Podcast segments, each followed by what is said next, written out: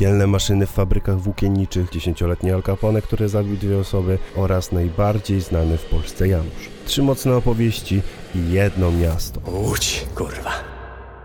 Są takie miejsca, które nie powalają swoją renomą, a do takich należą Sosnowiec, Radom, Suwałki, Wąchock czy też właśnie Łódź. Pieszczotliwie nazwana niegdyś przez Bogusława Lindę miastem Meneli. Ja jednak uważam, że Łódź to jedno z tych niewielu miejsc w Polsce, które ma po pierwsze bardzo dużo legend, co nie jest może jakoś wybitnie niespotykane, ale praktycznie wszystkie trzymają bardzo wysoki poziom i nie znajdziecie w innych miejscach ich odpowiedników. A oto jest naprawdę ciężko. Zacznijmy więc od tego, że Łódź miała swojego Al Capone. Ślepy Max czyli bohater tej opowieści, był świadkiem morderstwa własnego ojca, Benjamina Bornsteina, który podczas wykonywanej pracy, ostrzenia noży przy ulicy, zasłabł i upadł pod koła bryczki prowadzonej przez syna jednego z najbogatszych ludzi w mieście. Aaron, czyli kierowca, zaczął bić rannego batem, a do katowania przyłączył się także stójkowy, czyli klasyczna scena na polskiej drodze. Benjamin zmarł wskutek odniesionych obrażeń. Policjant ani Aaron nie spodziewali się jednak, że dziesięcioletni wówczas Max, który jako jedyny widział to zajście, zemści się na obojgu.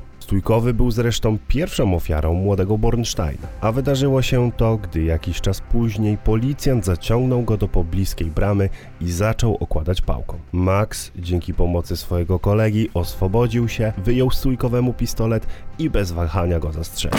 Podczas katowania chłopca przez stójkowego zostało uszkodzone oko Maxa, stąd jego późniejszy przydomek Ślepy Max. Po tym morderstwie, nomen omen dokonanym w akcie samoobrony, Max zaczął robić karierę w półświadku. Jego szajka zaczęła okradać pociągi towarowe, ale oczywiście tylko te, które należały do okupanta. Po kilku akcjach pozycja gangstera była ugruntowana i mógł wejść w konszachty z wyżej postawionymi postaciami, na przykład Aaronem Goldbergiem, który naiwnie myślał, że to, co było w przeszłości, dzisiaj już nie ma znaczenia. Max oświadczył się nawet córce Goldberga i wziął z nią ślub. To właśnie na przyjęciu weselnym ślepy Max dokończył dzieła. Jego ludzie zasztyletowali Arona, a on sam stał się tym samym dziedzicem jego fortuny i przekminiono zawodowo. A co do zawodowców, to był taki jeden człowiek Scheibler, którego marzeniem była profesjonalizacja jego zakładu włókienniczego, a żeby tego dokonać, musiał podpisać pakt z samym diabłem. Legenda o diabelskiej maszynie w łódzkiej fabryce. W latach 60. XIX wieku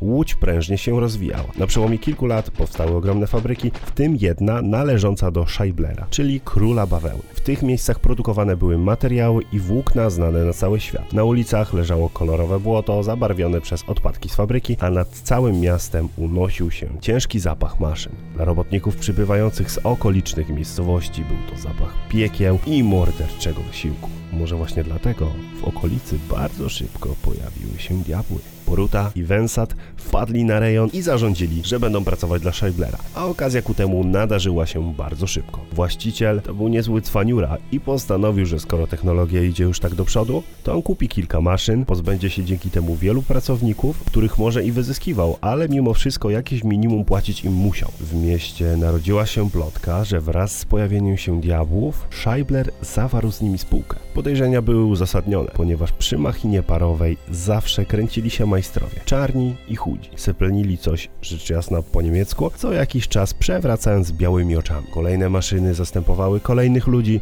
przez co wielu z nich straciło pracę. Ci, którzy zostali, bali się o swoją przyszłość, więc zarządzono, że wypędzą diabły z zakładu. Uzbroiwszy się w grube metalowe pręty, ruszyli gromadnie, żeby zdemolować zakład, a finalnie rozwalili maszyny i poukradali rzeczy ze swojego miejsca pracy.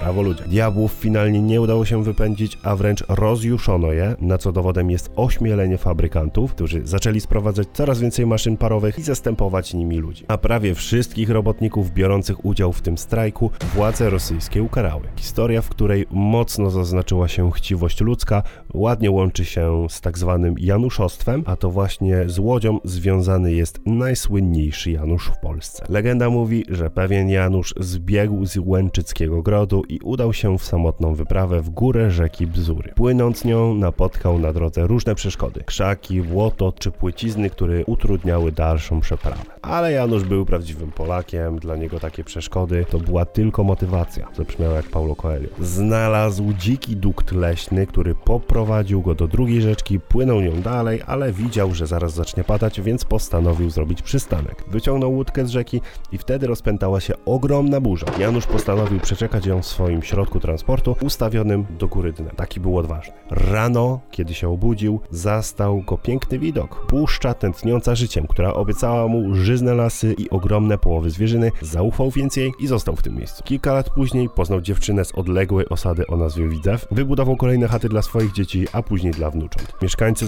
założonej przez Janusza osady nazwali ją łodzią na pamiątkę łódki pierwszego sołtysa. Jeżeli chcecie dowiedzieć się, czy Matka Boska Częstochowska była czarnoskóra i czy blizny na jej twarzy się powiększają, to zapraszam serdecznie. A na dzisiaj to już wszystko. Pozdrowienia.